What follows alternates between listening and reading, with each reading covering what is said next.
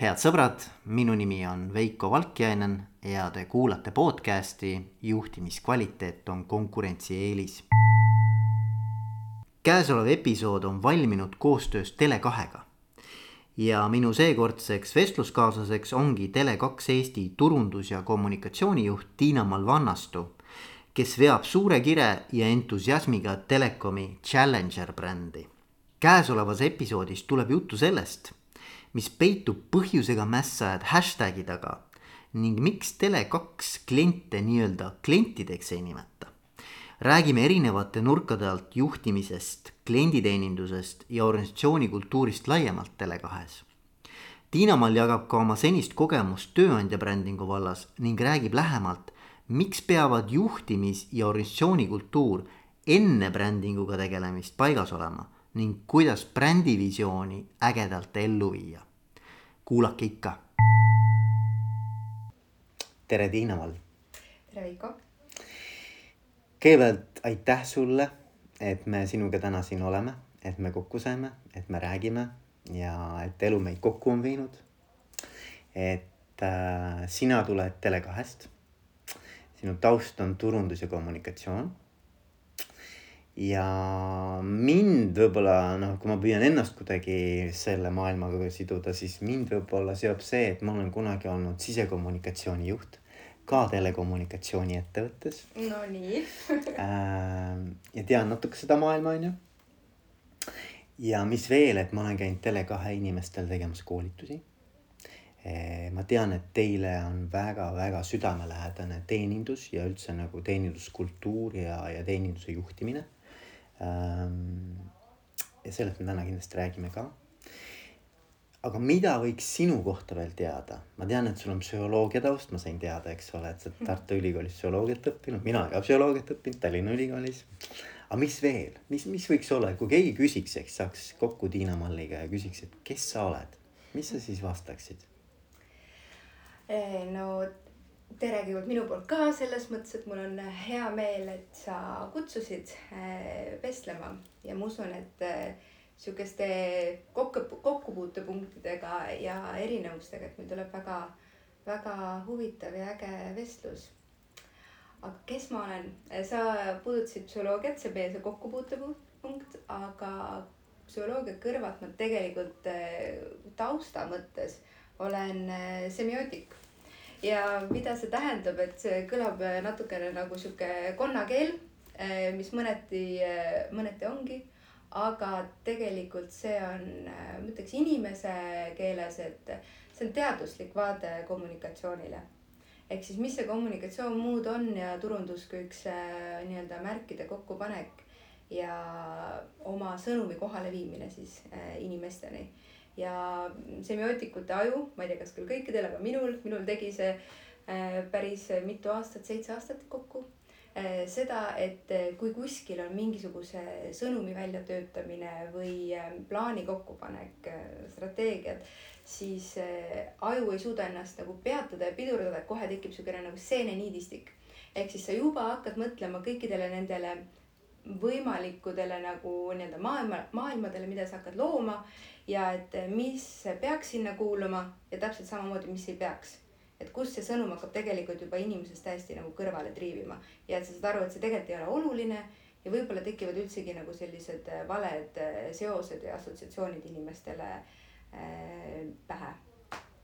Vot, ehk siis niisugune nagu semiootiku taust ja mina mõtlesin tollel ajal õppides Tartus, et üks asi, mida ma kindlasti kunagi tegema ei hakka, on korporatiivmaailmas turundust mm..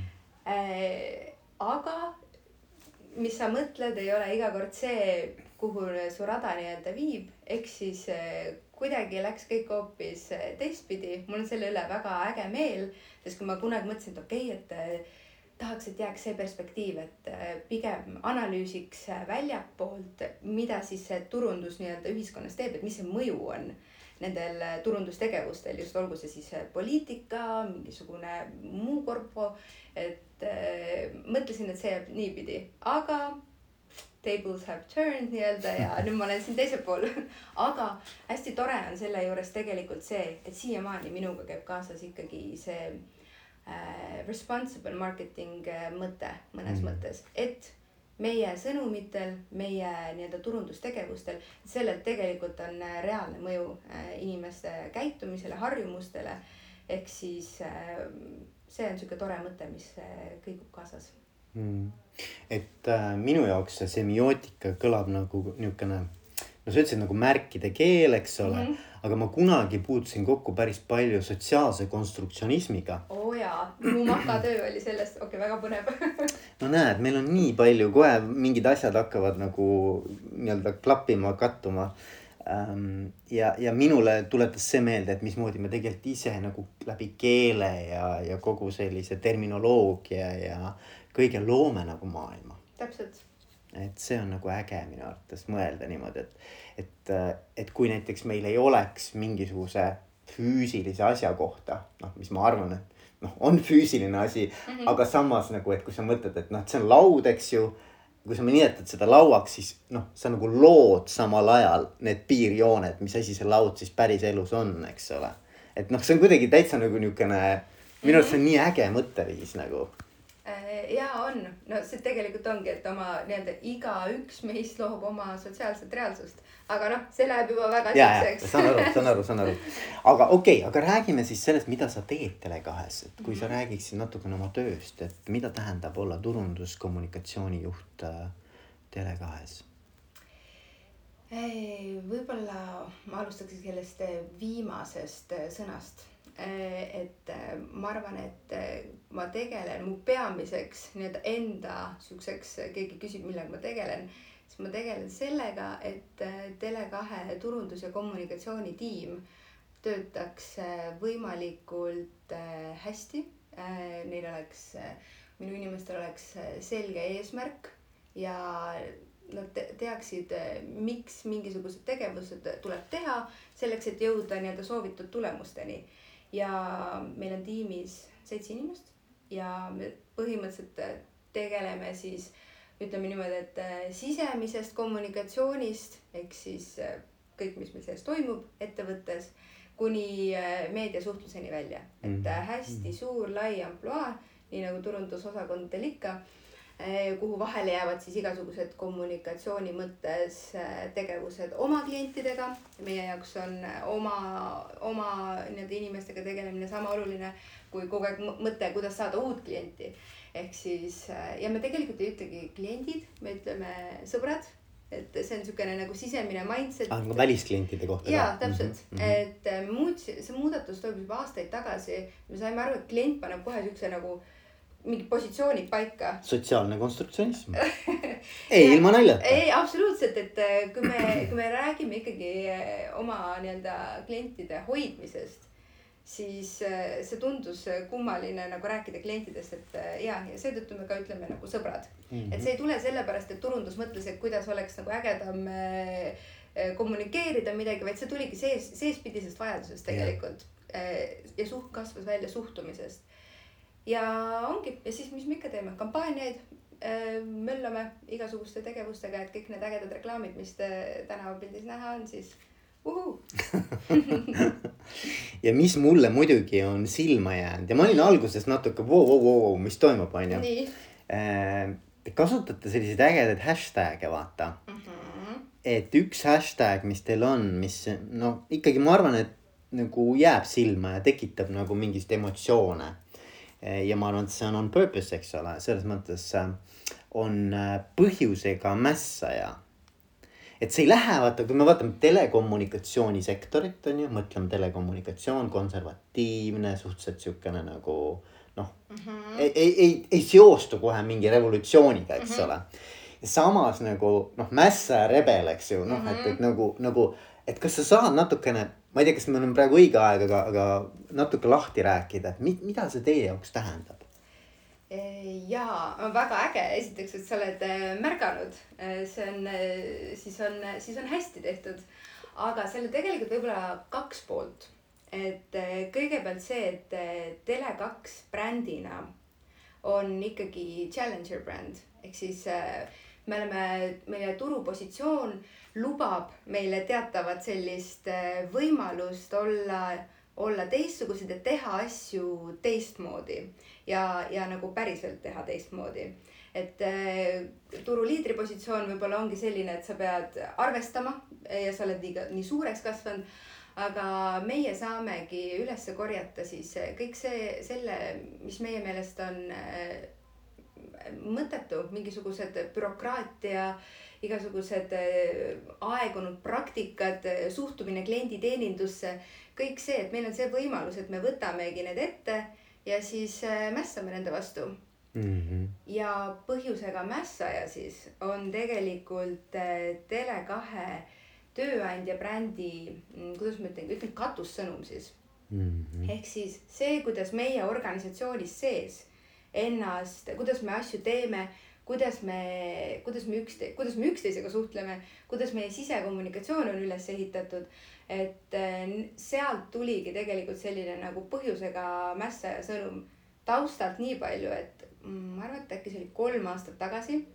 Eh, kui meil olid eh, meie ülilahedad praktikaprogrammid, siis me võtsimegi me praktikaprogrammid ette, me saime aru, et oot, aga me ei taha öelda, et tule Tele2 praktikale, praktikaprogramm Tele2-s et see kõlas jälle selliselt, et nagu, et okei okay, on, aga tegelikult see on ju nii äge asi mm. -hmm. kuidas me ütleme välja nii, et juba inimesed saaksid aru, et tegemist on millegi teistsugusega ja millegi kihvtiga ja siis tegelikult sealt tuligi meie loovagentuuri poolt see, et hakkame meie praktikaprogrammide kohta ütlema põhjusega mässaja. Äh, põhjusega mässaja programmid, siis see klikkis nii ära meie siukse sisemise vibe'iga, mõtlesime, et okei okay,, üliäge ja endal oli selline sisemine väike goal mitte väike aga oli see, et okei okay,, kui näiteks kolme-nelja aasta pärast äh, sa lähed kuskile kas noortega rääkima või suhtled kus iganes äh, ja sa ütled, et äh, kuule, kas sa sinna põhjusega mässa programmile pole kandideerinud, siis et sa ei peaks enam ütlema, et see on Tele2 praktikaprogramm, vaid selline nii-öelda awareness oleks juba või teadlikkus oleks olemas. ja praegult meil on juba, ma arvan, me oleme väga lähedal sinna, sinna jõudmisega, sellepärast et äh, me, me oleme kolm aastat nüüd olnud noored suvised ja juhtkonna praktikamässajatega sinna tuleb üle viiesaja avalduse, tahtli nagu nii-öelda soov liituda äh, selle mässajate kambaga on, on märkimisväärne. ja siis tekkiski see, et okei okay,, et aga need on nagu noored ja praktika. et äh, kuidas, mis me siis nagu ülejäänud telekakslaste kohta ütleme, et noh, kõik on telekakslased, onju, aga väljapoole, et okei okay,, hakkame mõtlema uut nime, teeme mingi uue ägeda, kihvti Äh, siukse nii-öelda employer branding'u slogani, mis läheb siis, ma arvan, et enamus Eesti ettevõtteid on oma loovagentuurile selle briifi kunagi saatnud. et me istume, tuli juba igasuguseid mõtteid, loovideid, kõik olid nagu lahedad, aga siis neid nagu vaadates said aru, et oot, aga kuule, mida me teeme. Et eh, miks meil on vaja kõrvale midagi veel, kui me tegelikult needsamad põhjusega mässad, kõik telekakslased tegelikult ongi põhjusega mässajad ja siis tuli korraks see, et ei, et ei, see on ikka liiga nooruslik. et see on ikka noortele suunatud asi, et noh, kuule, et meil on ikkagi nagu erinevad vanuserühmad Tele2-s ka ja nii edasi. me oleme mingi, et oota, aga mis ajast meid huvitab mingi vanus? nagu what the hell, et ei, ei, ei. ja siis me tegelikult saimegi aru, et okei okay,, see ei ole, tegemist ei ole lihtsalt praktikaprogrammiga vaid äh, telekaklased äh, ongi äh, põhjusega mässajad ja sealt peale tegelikult me olemegi vaikselt niimoodi, see kasvas seestpoolt väljapoole ennast niimoodi identifitseerida ja rõhk on siinkohal, ma ütleks veel, et see mässaja võib tunduda alguses nagu domineerivana on ju, et me mhm, teeme siukest pau-vau-buum mhm, asju mm. -hmm. aga ma ütleks, et kui mitte olulisem on selle sõna juures tegelikult põhjusega mm. see, et me teeme asju põhjusega, me valime, mille üle me siis nii-öelda mässab, et me ei laamenda lihtsalt ringi ja Tele2-s enda sees ka, et siia tulevad kõik meie, ma arvan, me jõuame nendeni coaching utest kuni sisekoolitusteni, siseteeninduseni. et ikkagi tegevused oleks ka enda jaoks äh, mõtestatud ja inimesed on erinevad, igalühel on omad põhjused, miks ta millegi või jah, mingisuguse olukorra või süsteemi vastu mässab mm,. Mm. vot. ja, aga see, see on ilmselgelt nagu see emotsionaalne või noh, ta on mm, -hmm. temas on intensiivsus, vaata. et ta ei jäta nagu külmaks, eks ju, et kes rohkem identifitseerib sellega, kes vähem. aga ma arvan, meis kõigis äratab see nagu mingisuguse, on see siis noh, ma ei tea, mis, mis, mis osa, eks ole aga et mina küll äh, kunagi ma olin väga, mul pikad juuksed, kõrvarõngad no,, ninarõngas, saad aru, sihuke noh, ka ikkagi nagu punk-rock, eks ole noh, see kõik nagu kuidagimoodi nagu haakus selle identiteediga. ja kuskilt otsast sa tundsid puudutatuna, et see kõnetas absoluutselt, absoluutselt mm -hmm. muidugi ja, ja, ja. No näiteks selle vibe'i osas oligi see, et me käisime, ettevõtted paljud käivad äh, Tali Spartakiadil, see on mhm. selline siis nii-öelda spordiüritus, kus erinevad korporatsioonid tulevad ja hakkame omavahel võistlema äh,. väga lahe võimalus äh, nii-öelda siis ennast proovile panna ja põhimõtteliselt see aasta, me oleme seda põhjusega mässad sissepoole, ütleme niimoodi kaks aastat töötanud.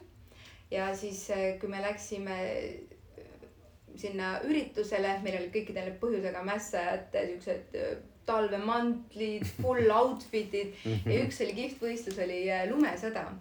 Ja siis põhimõtteliselt ma arvan, et siin võib kindlasti shout out'e teha Swedbankale ja kõikidele, kes on, kellel on äärmiselt tugevad spordimeeskonnad nagu spordi mõttes.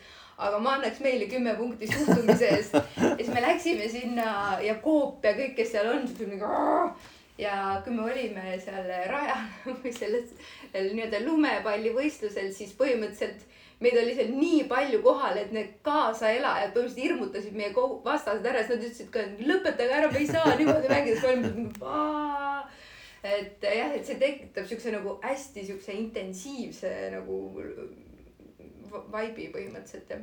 ja, ja võib-olla seal on jah, see meie, eks ole, see nii-öelda see mingisugune meie tunnetus või meie, meie siukene nagu feeling on ju, et mis mm -hmm. tekib läbi selle ja, jah.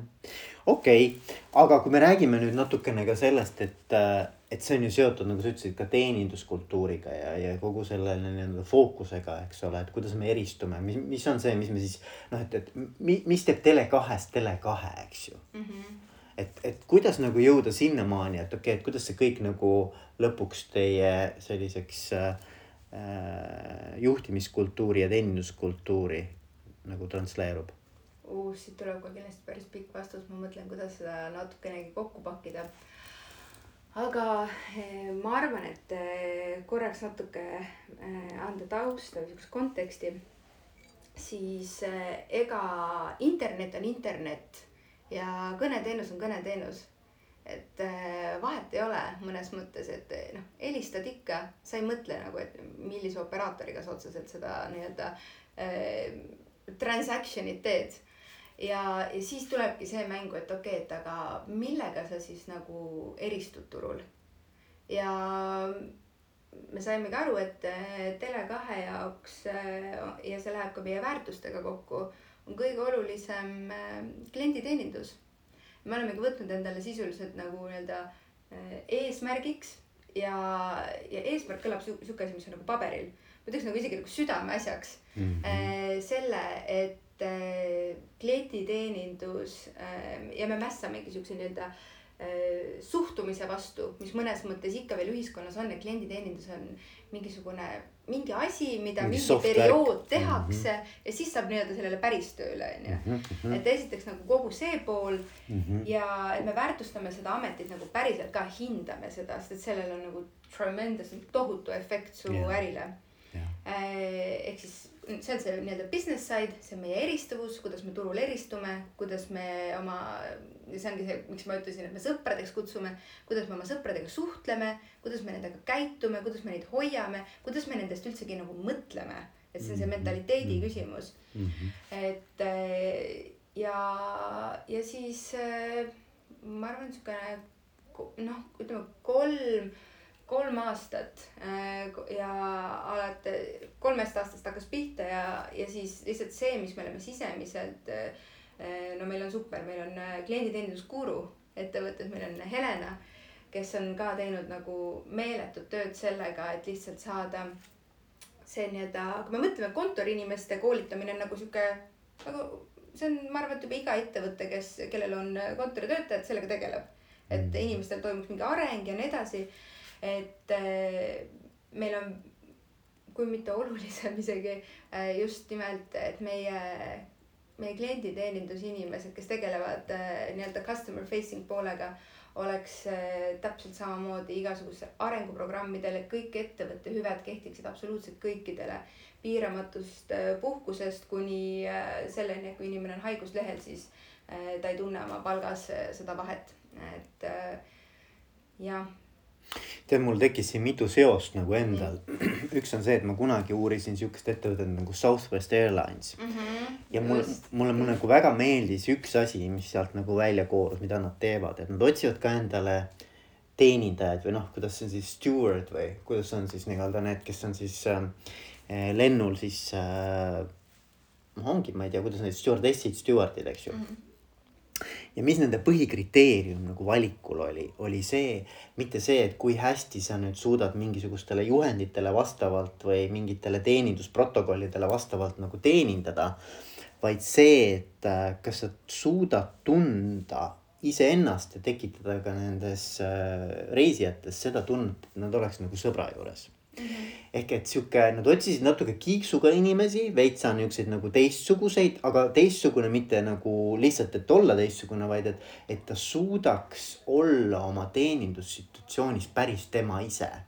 et see on mingi väike joke on ju, mingi sihuke mõnus lahe sihukene feeling, sihuke atmosfääri tekitaja, eks ju et, et nad otsisid nagu autentseid inimesi, kellele meeldib inimestega suhelda, kes on natukene ka sellise võib-olla aktiivsema energiaga, on ju.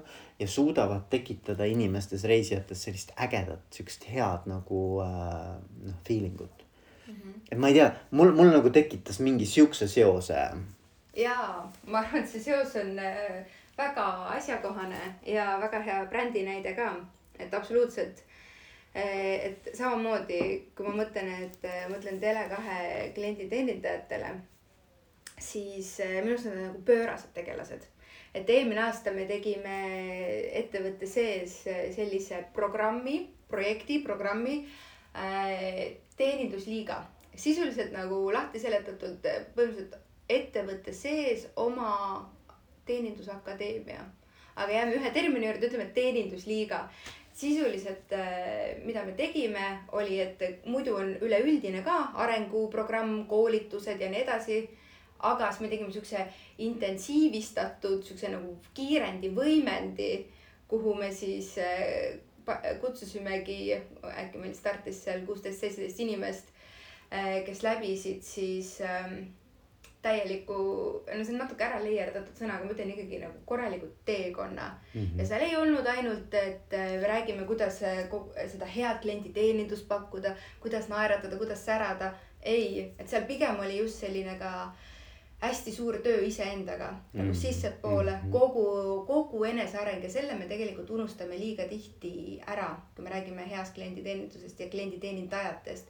me räägime kogu aeg, et mida need inimesed peavad teistele pakkuma väljapoole, väljapoole mm. -hmm. aga kus see, see ükski inimene ei ole mingi põhjatu pang, et ta kogu aeg võtab ja annab, võtab ja annab, teenindab, teenindab, särab, naeratab. Äh, sest et äh, ega kliendid ei ole ka kõik mingid äh, suurepärased, mingi alati positiivse emotsiooniga, et meil kõigil on mingeid halbu hetki. kui sa põrkud selle kliendi teenindajaga kokku, see mõjutab seda inimest mm. -hmm. ja meie nagu väga suur nagu sisemine soov ongi see, et, et oma inimesi hoida ja kaitsta ka mm -hmm. selle eest ja see saab juhtuda ainult läbi selle, et me panustame inimese enda arengusse ka. et äh, seal olid väga südamlikke siukseid workshop'ilikke kohti, kus inimesed lihtsalt konkreetselt võtsidki ennast peaaegu ribadeks mm. -hmm. julgesid olla haavatavad. et see oli ikkagi nagu, nagu ma ütleks, breakthrough mõnes mõttes me saime aru, et see ei olnud lihtsalt äh, mingi projekt, mis turunduslikult lükati käima nii ägedalt nagu mingisugune ma ei tea, filmitreiler, vaid tegelikult sinna tuli see sisu taha järgi mm. -hmm. ja, ja me jätkame selle programmiga, kui alguses oli niimoodi, et okei okay,, kuidas me maja pealt need inimesed kokku saame, et kellele me ütleme, et kuule, et lisaks sinu töö, praegustele tööülesannetele, sul tuleb veel hunnik juurde ja sa pead hakkama enesearenguga tegelema, onju et me mõtleme küll, et jube kihvt võimalus, aitäh, aga noh, tegelikult me peame ikkagi arvestama, et sa annad inimesele ka nagu workload'i juurde. ja siis me valisimegi noh, koostöös äh, tiimijuhtidega siuksed noh äh, silmapaistvad tegelased välja soovituse alusel. ja siis alguses oli niimoodi, et ah noh, ma ei tea, mis asja on ju nagu ikka uute asjadega lükkasime selle projekti käima ja siis põhimõtteliselt see lõppes niimoodi, et inimesed olid niimoodi, oh my god, kuidas ma saan sinna, mis asi see on, mida ma pean tegema, et ma selle projektiga, projektiga nii-öelda liituda saan. ehk siis me sisuliselt äh, ja see saigi Tele2-s, me valime iga aasta aastaprojekti ka, et sai aastaprojekti tunnustuse. no ja igati, igati seda väärt, et äh, järgmine lend käivitub meil siin juba kaks tuhat kakskümmend kolm jaanuarist mm. Ja jälle, jälle, mis mul nagu hästi seostub selle teemaga, on see, et äh, mul on podcast Mare Teihmaniga, kes on siis äh, TalTechi tööpsühholoogia professor mm. -hmm. ja üks huvitav asi, tema uurib stressi. ja minu jaoks oli see üllatus, et äh, ta rääkis, et noh, et olenevalt siis sellest uuringust, eks ju, neid stressoreid seal on viiskümmend kuni sada mhm. töö juures inimestel ja number üks stressor mis võib tekitada tohutult rahulolu, aga ka tohutult rahulolematust, on inimsuhted. ja vaata kõik need ametid või rollid, kus inimesed peavad teistega suhtlema, kus on hästi palju nagu omavahelist sellist kontakti, inimest, inimvahe, inimeste omavahelist suhtlust.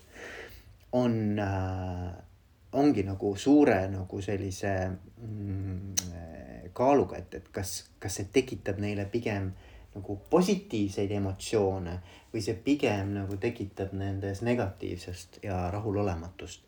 ja minu arvates see on nagu hästi oluline, et need inimesed, noh, klienditeenindajad, eks ole, või teeninduses toimetavad inimesed. et nad oskaksid just nimelt nagu ennast hoida, nagu sa ütlesid, eks ju, ja see tuleb läbi selle minu arvates, kui inimene saab olla tema ise Mm. Et ta ei pea nagu mängima kedagi, vaata, kui sa lähed nagu teenindusse niimoodi, et tegelikult mulle absoluutselt ei meeldi või ma olen hästi nagu. ma, ma, ma tegelikult nagu tahaksin hoopis midagi muud teha või et mhm. ma olen hästi siukene. ma ei kujuta ette, introvertne või, või et see ei lähe minu isiksuse profiiliga üldse kokku, eks ju eh, ehk et kui ma pean kedagi teist mängima, seda tohutut energiat, pluss see kindlasti ühel hetkel ju tuleb välja ka selles teenindussituatsioonis, kus ma enam ei saa seda maski kanda nii et selles mõttes ma arvan, väga oluline, et inimesed teaksid ise, mis nende tugevused on mm. -hmm. ja saaksid selles igapäevases töös ka neid tugevusi võimalikult hästi ära kasutada. ma töötasin kunagi olümpikasiinos.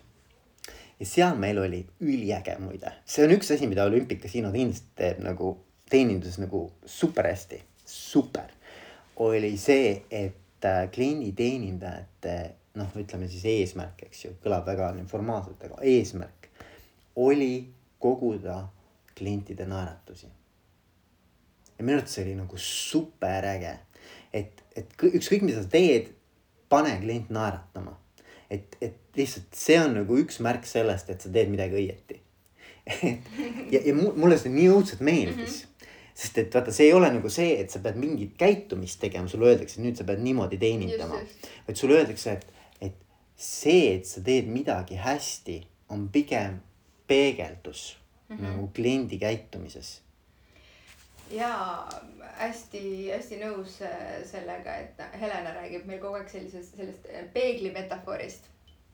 Äh, aga me ise tõime selle ka, et meie brändingu kampaaniad ju ka räägivad sellest, et Tele2-l on äge klienditeenindus ja et me tahame, mitte et meil on ainult, vaid see on see, mida sa koged siis, kui sa meile külla tuled aga et eh, see on see, mida me tahame pakkuda, meie mm. tahamegi pakkuda ägedat klienditeenindust eh, ja siis me tõime sisse siukse nagu sotsiaalmeedias eriti vibe'i disainerid, siukse nagu mõiste enda wow. jaoks ka oh,. Okay. et tegelikult see ongi, ongi see, mida sa teed, sul käib päevas nii palju inimesi ja sa ei saa nagu vaevalt, see oleks nagu too much mõelda, et nagu, et oh, sa muudad kellegi maailma aga sa muudad killukese tema sellest päevast ja sa, ja sa tegelikult võib-olla muudad selle inimesel kogu järgmise nii-öelda selle sündmuste jada muudad ära tänu sellele.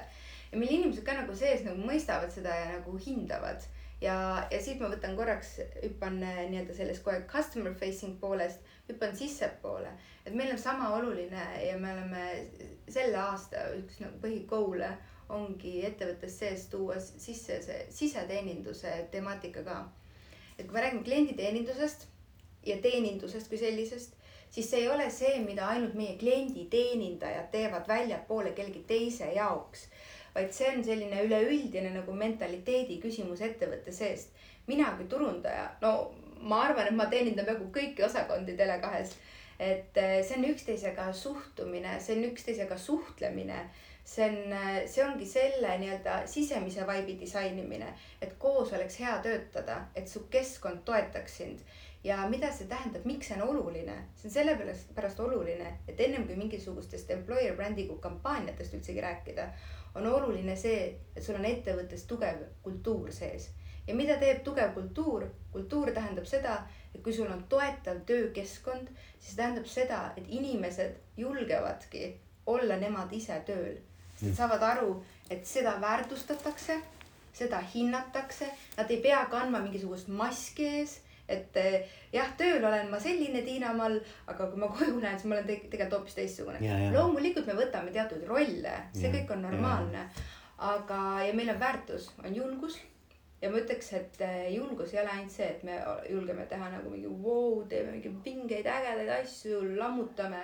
Et siin on täpselt samamoodi see julguse teine pool on, et äh, sa julged olla aus, sa julged olla avatud, haavatav, ma arvan, see on üks raskemaid asju.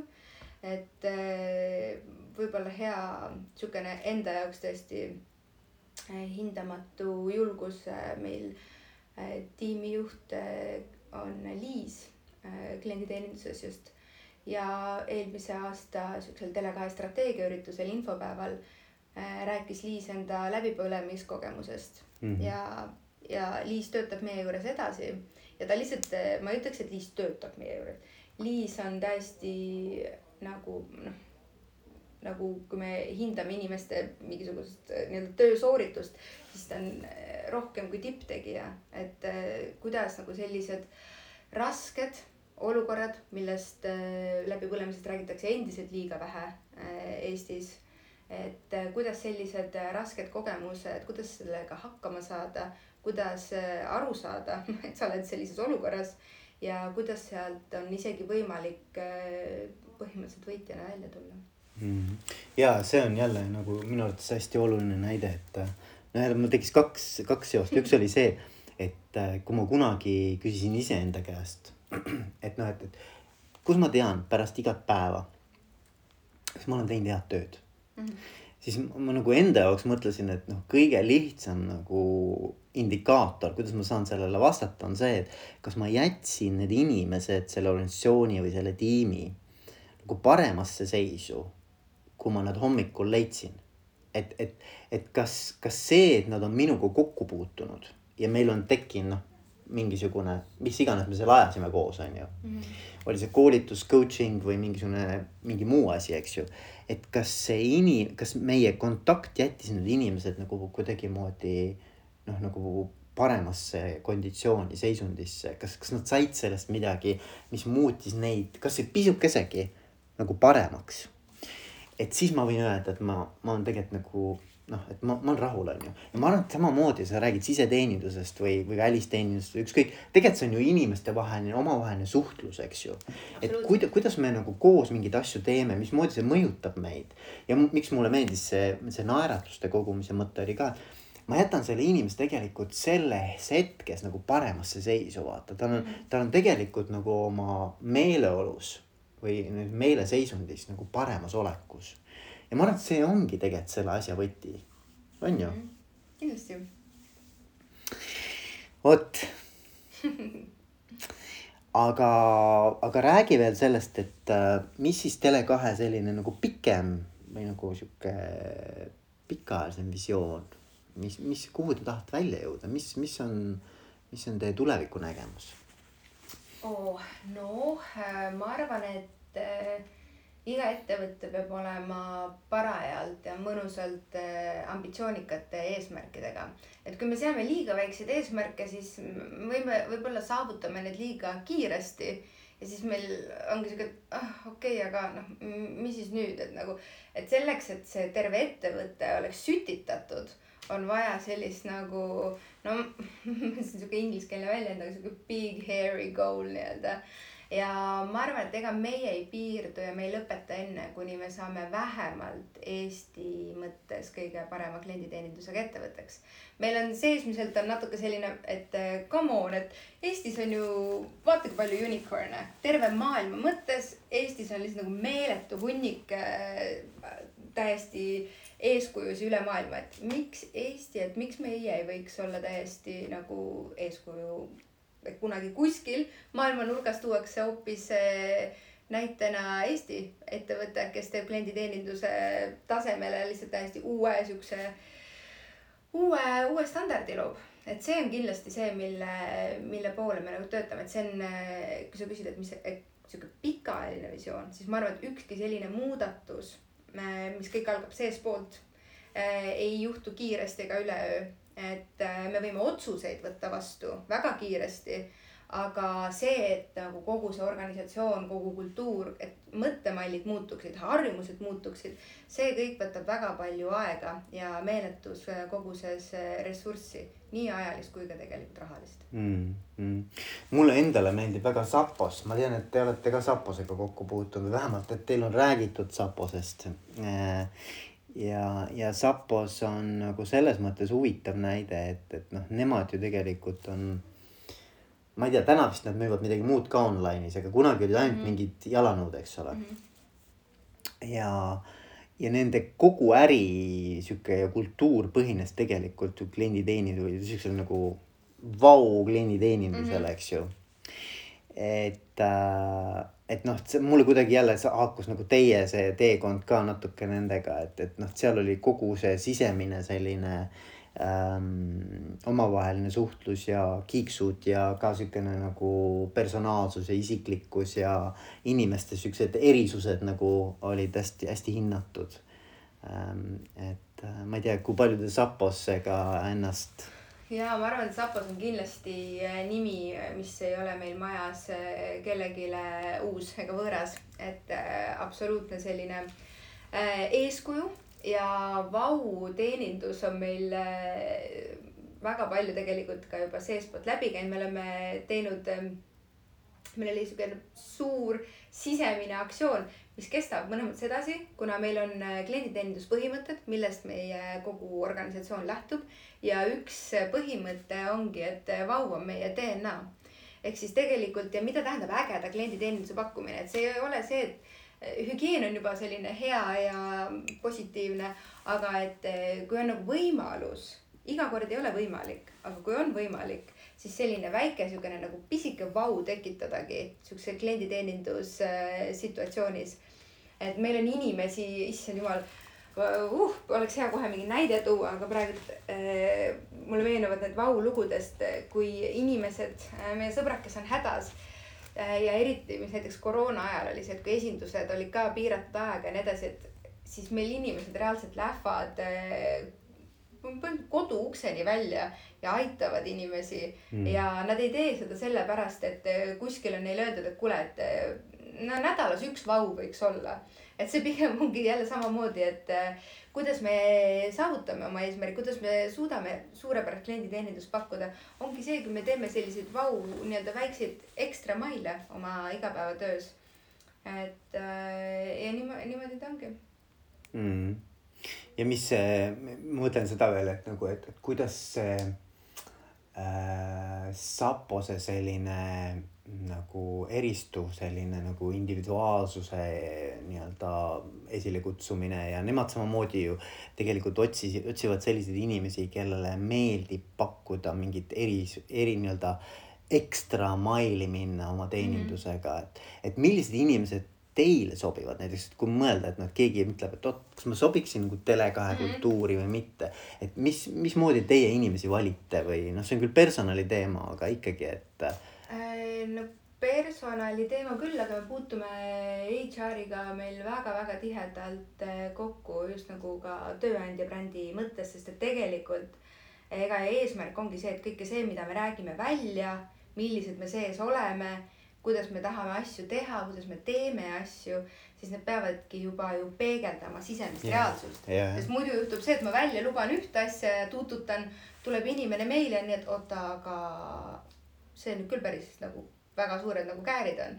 et siin võib-olla võib kasutada seda terminit sihuke nagu culture fit mõnes mõttes mm. -hmm. et inimene, kes meile tuleb, meil on HR-is äh, väga hästi kokku pandud sihuke telekakslase profiil. Ja siis seda me ka uutele inimestele tutvustame ja see profiil ei ole mitte midagi muud ega mingisugune uus leiutis, vaid see tuleneb meie väärtustest.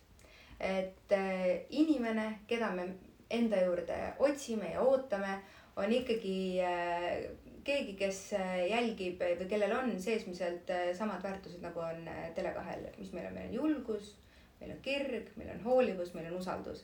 Need on need printsiibid, mis tegelikult äh, peegelduvad meie tegevustes, peegelduvad meie suhtumistes ja peegelduvad isegi meie nagu strateegilistes ärilistes otsustes. et äh, väärtused on võib-olla sihuke sõna, mis ma mäletan, kui ma kolm pluss aastat tagasi Tele2-te läksin äh,. siis mulle tutvustati onboarding ul väga põhjalikult, need on Tele2 väärtused ja nii edasi, edasi. ma mõtlesin nagu kuulasin seda, ma olin nii, et okei okay,, ise olen nagu ikkagi nagu lugenud ka, aga ma ei ole kunagi varasemalt ettevõttes kuskil nagu väga nii-öelda words put into action'it näinud. ja mõtlesin ka, et okei okay,, no lahe, tore, et teil need on, on ju, et alati saab siis äh, võtta need sealt sahtlist välja. mingil mm -hmm. üritusel meelde mhm. tuletada mhm. inimestele on ju ja öelda, et noh, meil on ikka hoolivus ka, et nüüd, kes on hoolivus. ja mu võib-olla kõige suuremaks esimeseks üllatuseks, äh, positiivseks üllatuseks Tele2-s oli see, et äh, need ei olnudki sõnad kuskil paberis, mis olid sahtli põhjas nagu päriselt, need on väärtused ongi nii-öelda siuksed mm,, kuidas ma ütlen, isegi nagu teeviidad või suunad. Ja need käivad kogu aeg, need on läbi põimunud igalt poolt.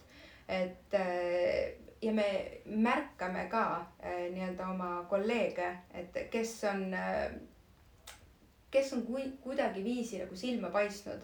Et kas on näidanud suurt hoolivust ülesse või, või julgust või mis iganes, siis me nagu tunnustame ka nendest väärtustest lähtuvalt. Äh, võib-olla ühe näite toon, et kui tuli äh, koroona, algas pihta see trall juba siin kaks pluss aastat tagasi, siis äh, väga lühikese ajaga, nagu ma ütlesin, et otsuseid saab võtta, kui on selline organisatsioon nagu Tele2, mis teeb nagu rass, rass, rass, siis otsuseid saab võtta väga kiiresti vastu ja see tuli ebareaalselt kiiresti tuli otsus et ükskõik, mis saab, tollel ajal keegi päriselt ei teadnud, mida see pandeemia kaasa endaga toob, mis muudatusi. et ükskõik, mis saab, aga meie otsus on, et me lähtume hoolivusest ja me, ükski meie eh, jaemüügis töötav inimene, kuna me kartsime, et äkki lähevad noh, kõik poed kinni, jäävadki, me ei teadnud, mis saama hakkab. et eh, meie otsus on, et ühtegi töötajat me ei puuduta, kõik jäävad meile tööle, me mõtleme koos välja mida me nendega inimestega teeme, kui peaks olema nii, et meil pole enam nii palju jaeinimesi vaja. siia siis tulidki, inimesed tulid kõnekeskusesse üle ja nii edasi. tegid kodus kõnesid, tegid töö juures kõnesid. Et äh, see oli koht, kus äh, mul oli kohe niimoodi, et okei okay,, et need, need päriselt ei ole sõnad taskus, et mm -hmm. hästi kihvtid oli näha, kuidas need on päris asjad. ja tegelikult see ongi see, keda me enda juurde ootame samu sarnaseid väärtusi ja maailmapilti omavad.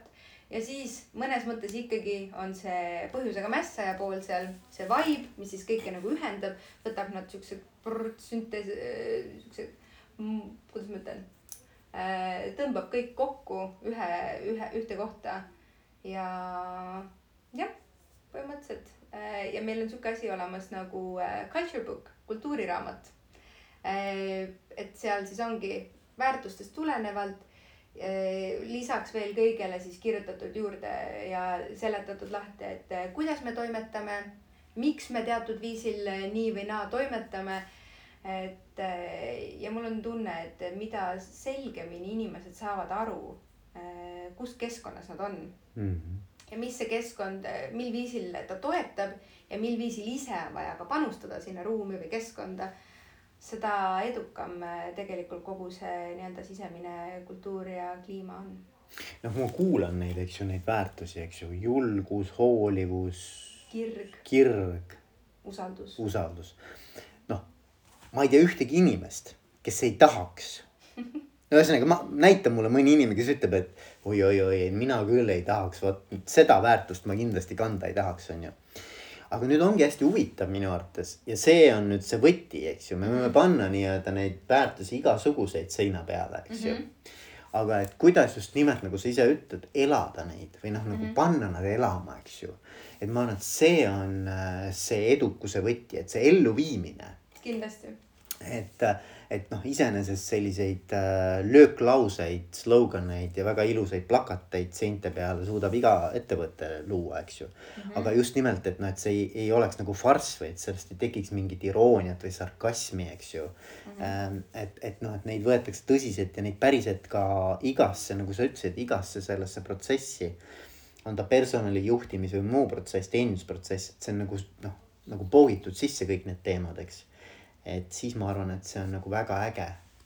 ja ma olen nõus, liiga palju, ma arvan, kui räägitakse tööandja brändingust ka ja minu käest ka küsitakse, et okei okay,, et eh, kuidas ma, kuidas ma tahan sama ägedat asja nagu see põhjusega märka onju, et eh, mõtlen midagi sarnast välja onju. ja siis eh, tegelikult eh, minu üks eh, põhilisi eh, soovitusi või sihuke asi, kus ma, mida ma nagu inimestega employer branding ust rääkides on, on see, et see on väga sarnane äh, ülesehitus nagu kui rääkida persooni brändist. ja et mis on esimene asi, mida sa äh, isikubrändiga tegelevale inimesele nagu soovitaksid? Mis see võiks olla, on täpselt sama, mis on äh, tööandja brändingul. Ehk siis ole autentne, ole ehe Mm -hmm. ei ole mõtet hakata mõtlema mingisuguseid turunduslikke mambo-džambos ja mingeid kihvte tulesi ja vilesi asjale külge, kus tegelikult veel sisu ei ole nii-öelda nagu järgi jõudnud või proovida olla keegi teine oo põhjusega mässa on nii äge, ma tahan midagi sarnast, onju. okei, kui sul ongi selline sisemine kultuur, väga äge, jumala eest, aga see ongi see, et leia enda seest, leia enda kultuuri seest tegelikult see üles, üles nii-öelda mille peale ehitada siis äh, see turunduslik pool ja see kommunikatsiooni pool, et. Äh, noh, eks, eks seda sisu on ka võimalik nagu noh, nagu ja. tankerit hästi aeglaselt nagu hakata nagu pöörama, eks ju, aga see on meeletu töö muidugi ja ega Tele2-s eh, me olemegi sihuke suur laev, vahe, ei kuramus, me ei ole laev, me oleme mingi sihuke kiirkaater kohati sihuke ägeda turbomootoriga, et eh, meil on ka sisemine väga suur kultuurimuudatus toimunud. Eh, mm. kui meil tuli meie tegevjuht Chris kes on täiesti teise vibe'iga kui mm., kui see, mis varasem Tele2 oli. meil oligi nagu põhimõtteliselt upside down, et nagu yeah. neli aastat äh, on tehtud tööd selle nimel, et see Tele2, kes oli kunagi see hea, ma usun, et on alles jäänud, aga see lihtsalt nagu ikkagi suur töö läks sinna sisse, kogu see väärtuste ümbervaatamine, kõik koos, koos väärtustega tuli ka põhimõtteliselt uus kultuur äh, uus nagu sisemine kultuur, kogu see teenindusasi sinna juurde ja, ja nüüd see nii-öelda see tööandja bränding ongi tegelikult see, et äh, vormistamise küsimus mm. -hmm, mm -hmm. ja, ja, ja. aga noh, see on äge praegu, et sa tõid sisse ka selle äh, tegevjuhi muutuse mm. -hmm. et äh,, et üks küsimus, mida me ei ole puudutanud nii palju, on just nimelt nagu juhtimine et võib-olla natuke räägid paari sõnaga seda, et noh, et mis siis nagu juht, et noh, et kõik see, mis mis nagu toimub teeninduses või mis toimub kuskil, ma ei tea, personalis. On ju tegelikult ikkagi ka toetatud kogu selle juhtimiskultuuriga, et, et kuidas see juhtimine välja näeb või et, et kuidas sa kirjeldaksid Tele2 juhtimiskultuuri hmm.? et äh, ametlik vastus äh, oleks siis see, et äh, tugineb Tele2 väärtustel aga et äh, mõtlen korraks mm. -hmm Äh, no Chris on äh, esiteks, äh, ta on väga, ta on väga tugev juht ja ta on ise, mida ta iseenda kohta ütleb, ma arvan, et see on isegi tema LinkedIn'i profiilil kirjas, et ta on nagu lõputu advocacy või siis kogu selle, kogu kultuuri ja väärtuste sihuke pioneer mm. -hmm. et see on see, millele tema toetub. see on see, millest ta räägib see on see, mida ta tahab, et nii-öelda from äh, igasse Tele2 töötajani see nii-öelda kohale jõuaks. ja selle eest ta nagu seisab, et see on nagu siis see äh, Ladva õun ehk siis äh, meie tegevjuht. Ja, ja no kõik meie Tele2 nädalad algavad esmaspäeva hommikuse Chris'i laiviga, kus on kõik, kellel vähegi õnnestub, tulevad kohale. No niisugune viisteist, kakskümmend minutit meil toimubki niisugune järgmisele nädalale nii-öelda ühishäälestus. Me käime seal mingi top priority'd läbi mingid saavutused, mis on, mis on nii-öelda võib-olla ka mingid turunduskampaaniad, mis lähevad laivi, sihuke informatiivne osa. ja kindlasti üks mu lemmikosa, see on siis see, et lõpus iga kord Kris kas siis ise isiklikult või siis on maja pealt kokku korjanud ta tunnustab kedagi mm. -hmm. et need on ka sellised nagu et sa tuled sealt high level, sa tuled lihtsalt sinna inimese levelini ja sa tead, et äh, sul on nagu olemas see, olgu ta tegevjuht. et ta, ta on nagu see, no see human contact või human level on nagu hästi oluline, mis tegelikult äh, väljendub samamoodi ju usalduses ja hoolivuses. aga ühtset sellist, äh, ma ei saaks öelda, et meil oleks selline by the book ühtne mingi juhtimisstiil mm.. et esiteks Tele2-s äh, meil sisecoach äh, Mihkel. Äh, oh my god, ta on super, shout out to Mihkel siinkohal Mihkel on ettevõttes juurutanud sellist asja nagu tugevustel põhinevat juhtimist ja see on siis Cliftonis Strength Finderi testi põhil, põhjal. aga mida see nagu teeb, see teebki selle, et äh, ei saagi olla võib-olla, ma ei tea, kas ei saa, aga ei peakski olema sellist the book ühtset, nüüd teeme, kõik juhid teevad asju nii. sellepärast, et igal juhil on, äh, ma ei ole veel näinud ühtegi identset profiili tugevustest. kõigil juhtidel on omad tugevused mm. -hmm. ja see, kuidas eesmärkideni jõuda, siis ma arvan, et Tele2-s on ka piisav see nii-öelda usaldus just juhtide pihta. et äh, iga juht leiab selle parima võimaliku viisi, kuidas siis äh, oma tiim kõige kõige paremini tööle panna. niimoodi, et äh, ikkagi, kui sa lähed osakonnast osakonda või tiimist tiimi, siis ma arvan, et üks kõige paremaid näitajaid ühe ettevõtte kohta on see, kui sa saad aru, et need inimesed on nagu õnnelikud. Neil on mhm. sära silmis mm. -hmm. et vahepeal on muidugi mingi hull tempo peal, mingiteks hetkedeks on korraks käivad ketid maha, aga lihtsalt tuleb kokku ja, ja ongi siis ongi see tiimi vibe või eh, mis iganes me siis seda, seda nagu milleks me kutsume seda, et see toetab seda ja inimesed jälle tõusevad püsti ja lähme edasi. kas sina usud seda, et eh, organisatsioon muutub oma juhi nägu ähm,? ja ma arvan, et äh, ma arvan, et me ei muutu nagu otseselt päris nagu peegelpildiks aga kindlasti, sest et äh, kui uskuda eh, ja lugeda natuke mingi statistilisi eh, andmeid ka, siis ega tegelikult ühe töötaja heaolu eh, ja rahulolu tema töö juures, mis see mõjutab, mõjutab ikkagi tema juht, seitsekümmend protsenti minu meelest. ja väga suur osa on see ikkagi nagu ja, otsese juhi mõju. ja, ja see on nagu väga suur vastutus, loomulikult Tele2-s on suur see nii-öelda see manager'ide level, kuhu ma ise kuulun ja meil on veel direktorite tase ja siis meil on tegevjuhi aga ma ikkagi ütlen, et äh, ja mina, ma julgeks küll öelda, et ikkagi ettevõte võtab ennast äh, sinna nii-öelda juhi, juhi, äh, juhi malli sisse. noh, selles mõttes, et inimesed tulevad tööle ilmselt, ma ei tea, siis ametisse või organisatsiooni, eks ju mm. -hmm. aga paratamatult nagu enamus inimesi lahkub, siis ikkagi selle tõttu, et nad ei klapi oma juhiga või tekib mingisugune noh omavaheline konflikt või arusaamatus mm. -hmm. et noh, et selles mõttes ma arvan, see juhiga suhe, see on ülioluline. see on ülioluline, see on nagu ebanormaal, ebanormaalselt oluline. et äh, meil on Tele2-s äh, juhtide arenguprogramm. samamoodi äh, Mihkli eestvedamisel, mis ongi väga pikk, issand jumal, kaheksa-üheksa kuud mm -hmm. kestev mm. -hmm. et kus ma ka ise olen ja tegelikult see ongi see mõnes mõttes natuke nagu muutis äh, suhtumist äh, kogu sellisesse nii-öelda äh, juhtimiskultuuri. et varasemalt, ma ei tea, mul oli endal ka kogu aeg siukene nagu või ma ei tea, kas või mu perest, meil on hästi ettevõtlik perekond ka. eelmistes kohtades on ikka nagu läbi käinud see, et et juhiks sünnitakse, et teatud inimestel on ikkagi nagu noh, ongi kohe juhid, onju.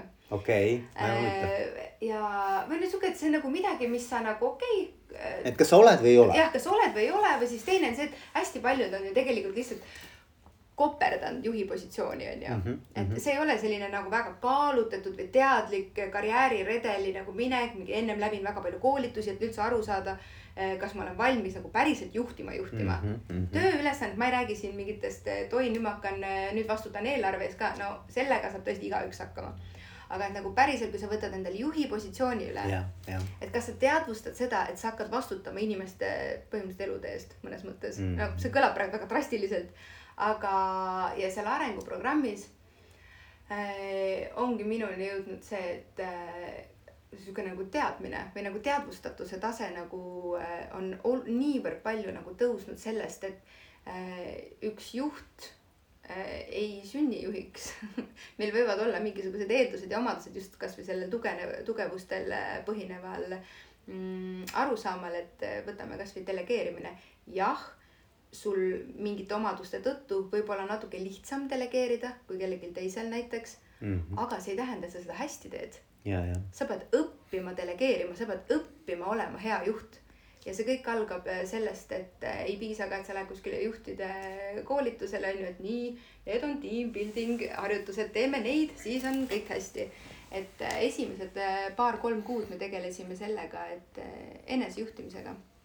Enda energia taastamine, enda aja juhtimine, et kui juht ei ole iseendaga tegelenud, siis tegelikult on väga raske ikkagi ka nagu teiste inimestega tegeleda et äh, see lihtsalt läheb kas mingil hetkel nagu lappesse, vähemalt enda sees lappesse mm. -hmm. et sa lihtsalt voolad, äh, mina olen ka üsna nagu värske juht ikkagi, mul ei ole mingit aastate pikkust kogemust, äh, mille pealt, kus sul on juba nagu kogemuse põhjal kõik need ämbrid läbi, läbi kolistatud mm -hmm. ja siis sul on see mingi meeletu tööriistakast et jah, et ma arvan, et tegelikult Eestis on üleüldiselt veel äge maa minna just selleks ka, et äh, sihuke nagu teadlikkuse tase juhtidel endal mm. -hmm. see on nagu kihvt.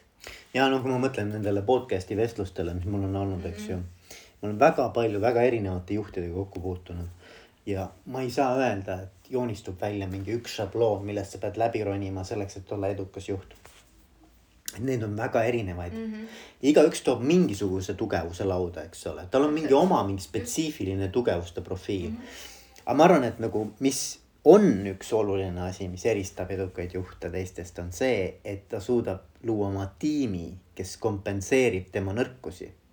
ehk et noh, ükskõik, mis sinu tugevus on siis juhina. et ma arvan, et üks asi, mida sa pead hästi tegema või vähemalt sa pead nagu juhuslikult siis niimoodi minema. et sul on tiimis need inimesed, kes katavad ära need kohad, kus sa ise võib-olla äh, nii tugev ei ole. ja, ja, ja seal on äh, üks hea näide on ka sellest, et eh, kui sa tead, et sul juhina äh, ei olegi võib-olla seda people skill'i nagu äh, väga tugevat yeah., aga sa võid olla väga-väga hea juht sellegipoolest. aga muidugi sul, sul jääb puudu seda noh, minglemisosa või mis iganes, siis isegi on ju näiteid sellest, kuidas, kui juht saab sellest ja julgeb seda tunnistada endale, et okei okay,, see ei olegi mu tugevus, siis ta võtab kasvõi väljast äh, selle sisse endale tiimi nii-öelda.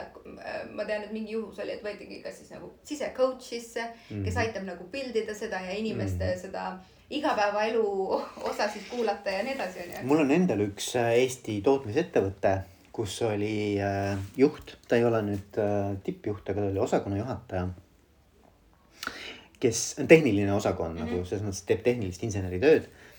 ja mulle väga meeldis see, et ta oli jõudnud selleni, et ta ütles, et mina olen nagu hea meelega kõiki neid tehnilisi ja, ja muid selliseid kompetentsi, erialast kompetentsi nõudvaid küsimusi mm -hmm. lahendab oma inimestega. ta hea meelega mentordab, ta on mm, -hmm. on väga äge, on ju, ta teab oma valdkonda super hästi aga ta ei taha teha mingeid selliseid arenguvestlusi või siukseid mm -hmm. motivatsioonivärke või noh, taha tegeleda mingisuguste läbirääkimistega ja mingi, mingi selle teemaga.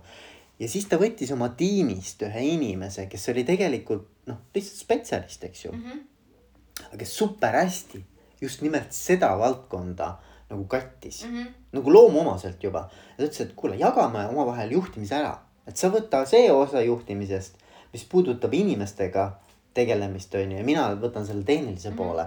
ja võib tunduda nagu natukene nagu, et mis mõttes on ju, et me jagame nüüd juhtimisrolli -hmm. nagu mitmeks tükiks mm. -hmm. aga see ülihästi toimib nagu. Ehk et noh, mida ma nagu tahan nagu sellega propageerida või vähemalt panna mõtlema inimesi, kes kuulavad. et tegelikult ei pea üks inimene kõiki neid juhtimisfunktsioone tegema, et see ei ole noh see, see ei ole, ei ole ilmtingimata vajalik. see on, ma arvan, see on üli, ma olen väga toetav sellele mõttele, see on, ma toon siia paralleeli äh, võib-olla äh, kummalise, aga täpselt sama kehtib ka suhtes olles. jah, et kui me kuuleme näiteks mingit Ester Perelli, kes räägib väga palju suhete psühholoogiast äh, ja ta räägib seda nii äh, eraelus kui tööalastes, on tegelikult see, et me eeldame eh, by default, et üks inimene suudab täita absoluutselt kõiki rolle. Mhm, aga tegelikult eh, see on ebarealistlik ootus, et sest et ei suuda. minul on näiteks oma tiimis see, et mulle väga meeldib igasuguste team building ja kõik noh, ma usun, me nagu teeme nagu väga ägedaid asju.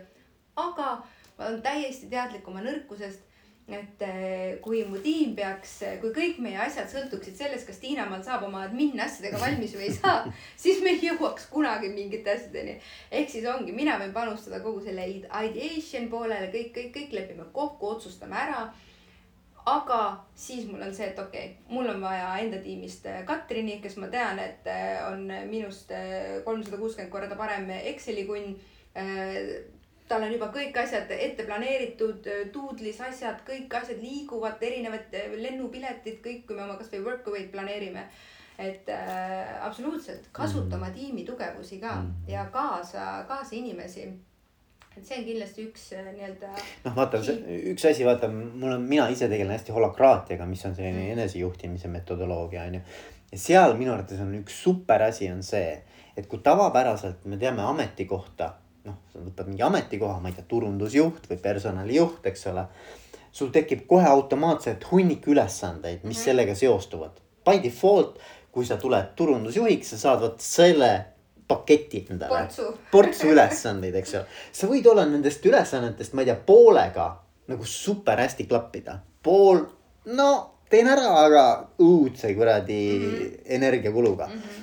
ja minu küsimus on, et, et holokraatia lööb nüüd selle ameti nagu väiksemateks rollideks, tükkideks mm. -hmm. mis on ka nagu meaningful piece ikkagi, et ta on nagu mingi, mingisugune noh, et, et ta võib-olla ütleme, see defineeriv osa või määratlev osa on siis see, et ta nõuab mingit ühte oskust, eks. et selle järgi lööd rollideks ja nüüd sa võid neid rolle jagada. et sa ei pea tegelema kõikide nende asjadega, mis sinu tugevustega ei haaku, eks ju. et sa võid näiteks hoopiski ütleme näiteks Tiina, mul on väga hea ma ei tea, mingi teise osakonna või üldse valdkonna tööga, ma ei tea, tahad teha mingeid üritusi, no küll turundusega läheb kokku, aga, aga no ühesõnaga, et, et sul on mingi muu tugevus. ja siis sa võid sealt mingi rolli võtta, ehk et sa paned nagu endale selle ametikoha mõnes mõttes nagu ise kokku lähtuvalt oma tugevustest. et sa oled nagu väga erinevates tiimides, teed väga erinevaid asju. aga need kõik haakuvad sinu isiksuse ja, ja sinu tugevuste profiiliga et mulle nagu õudselt see mõtteviis tegelikult meeldib ja ma arvan, et tulevik on hästi nagu seda, seda nägu. ma arvan, et äh, see on sihuke hmm,, ma olen, ma olen nõus, aga ma näen siin seda ohukohta, mida, mis on tihti, mis mis ma näen nagu tiimi, kasvõi tiimis endas.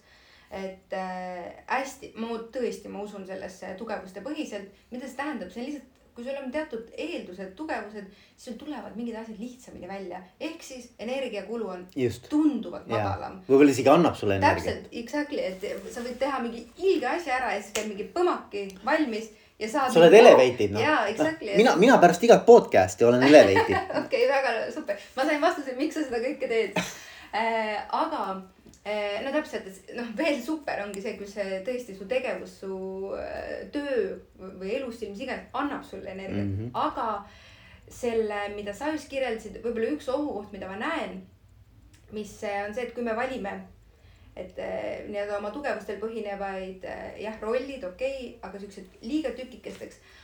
ma, näen väga tihti ikkagi, et üks põhjus, miks vahetatakse tööd, nagu sa ütlesid, on juhid.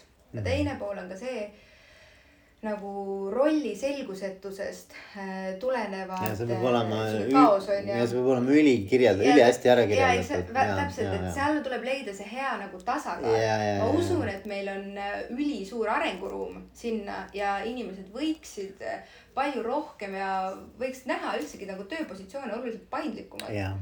et äge. no näiteks ma võin tuua Saposes. Sapos kasutab holokraatiat. mm. -hmm. Saposes on äh, rollide turg. Ehk et sul on, ma ei tea, tuhat erinevat jaa, ongi, sul on tuhat erinevat vaba rolli, need kogu aeg muutuvad, eks ole, see on nagu mõnes mõttes ongi sihuke nagu tööturg, eks ju. ja sa saad ise pitch ida ennast ühe või teise rolli äh, täitjaks. ja see ei pruugi üldse olla sinu tänase noh, nii-öelda ametikohaga seotud sa lihtsalt tunned, et see on see valdkond, kus ma tahan panustada, kus ma saan panustada, kus mm -hmm. mul mhm. tuleb võib-olla, võib-olla pean õppima seda, see on ka okei okay,, onju. Mhm. aga et sa tunned, et näed, et vot see on see asi, mis haagib minuga. Et ma, mulle nagu väga endale meeldib see mõtteviis, aga noh, loomulikult mis on, üks on kindlasti see, et see peab olema ülitäpselt mar-, markeeritud, on ju. Äh, ja teine on muidugi seal see, et noh, seal tekib kohe nagu, mille eest tasu saad ja kuidas see tasu kokku käib ja kes on su juht või kas sul üldse on juht või ühesõnaga, seal on kümme tuhat erinevat küsimust, mis tekib, aga, aga mõtteviis on minu arust jumala äge. ei äh,, väga äge, sest noh, ma ise tunnen näiteks, mina olen selline inimene, et Äh, no seal tugevuste testil ongi üks omadus on näiteks ideation ehk siis inimene tuleb, inimesele tuleb väga loomuomaselt ja lihtsalt äh, ideede genereerimine ja mitte nii, et ma kümme päeva mõtlen millegile, vaid noh, pigem nagu siukene plaks, plaks, plaks, plaks, plaks. Mhm, mhm, mhm, et kindlasti siin mängivad osa ka mingi su taustrolli ja kõik, kõik, kõik, mida sa õppinud oled. aga Äh, lihtsalt ähm, kui ettevõttes inimesed juba teavadki, et okei okay,, Tiinamaal on see, kes, äh, keda võib kaasata, kui on vaja ideid paugutada. niisuguses genereerimis brainstorming faasis, siis ma väga-väga hea meelega liitun äh, nende inimestega ja ma mm. võib-olla isegi ei teagi alguses mingist, kas võib-olla mingi B2B uus teenus, et kust või mis kanalites ja mida võiks lansseerida, mida me üldse sellel teemal nagu mõtleme. klienditeenindus, mida iganes, et sa kuidagi nagu lähed ja sa tuled sealt välja niimoodi, mõtled, et okei okay,, ma tund aega järjest nagu möllasin, aga millegipärast mul hoopis nagu on nii palju energiat, et tahaks nüüd tennist minna hoopis mängima väga hea. okei, väga äge. Tiina-Mall, kas on midagi, mida ma ei ole sinu käest küsinud, aga sa tahaksid jätta meile siia veel seedimiseks mõne mõtte, küsimuse idee, teema. midagi, mis, mis äh, tõmbaks meie tänase jutu ilusti kokku. Äh, ja ma mõtlesin, ma ütlen midagi klienditeeninduse kohta. aga võib-olla ma isegi korra, ma tean, ma midagi ennem ütlesin, ma võib-olla ütleks siia lõppu kordaks üle nagu kordamine. tarkuse ema, tarkuse ema et eh, kuna minult lihtsalt nagu küsitakse seda tihti, siis, eh, siis ma ütleksin siia lõppu võib-olla siukse kolm, kolm asja, mida tööandja brändingut tehes eh, ja, või sellega tegelema hakates võiks silmas pidada. nii sest et nagu me ennem rääkisime, siis miks, miks tööandja bränding, miks, miks see kultuur on oluline. kui sul on tugev ja hea toetav töökeskkond inimesed on õnnelikumad ja mida suudab õnnelik inimene teha, pakkuda loomulikult ka head klienditeenindust. ent tal on, end, tal on piisavalt energiat, et seda ka kellelegi, kellegi teisega jagada. aga, aga kui ma ütlengi nüüd võib-olla siuksed kolm key takeaway'd on need, et mida me enne puudutasime, et ennem kui hakata turundajatega ja agentuuridega ägedaid sõnumeid välja töötama mm. -hmm tuleb endal ettevõttes sees ikkagi kultuuriga ja kultuuri nii-öelda noh, viljelemisega nii-öelda tööd teha. et see, et see sisemine osa tuleks kaasa, sisu on olulisem kui see tuled-viled, mis sa hakkad äh, välja tegema. kõik ei saagi, see on nagu employer branding on nagu see Tallinna linn ja Ülemiste vanake, et see ei ole mingi asi, mis saab valmis mm. -hmm. aga et minu väga tungiv soovitus on see, et enne kampaaniat pöörata nagu kogu see pilk äh, sissepoole. Ja siin aitavad kaasa, mida me ise näeme, et äh, uuringud majas sees samamoodi, küsitlused, kaasamine, et inimesed tunnevad, et see ei ole mingisugune slogan, mille tegi turundusosakond, vaid et see tuleb seestpoolt väljapoole. Mm. -hmm. ja teine pool ongi see nii-öelda see pidev kommunikatsioon.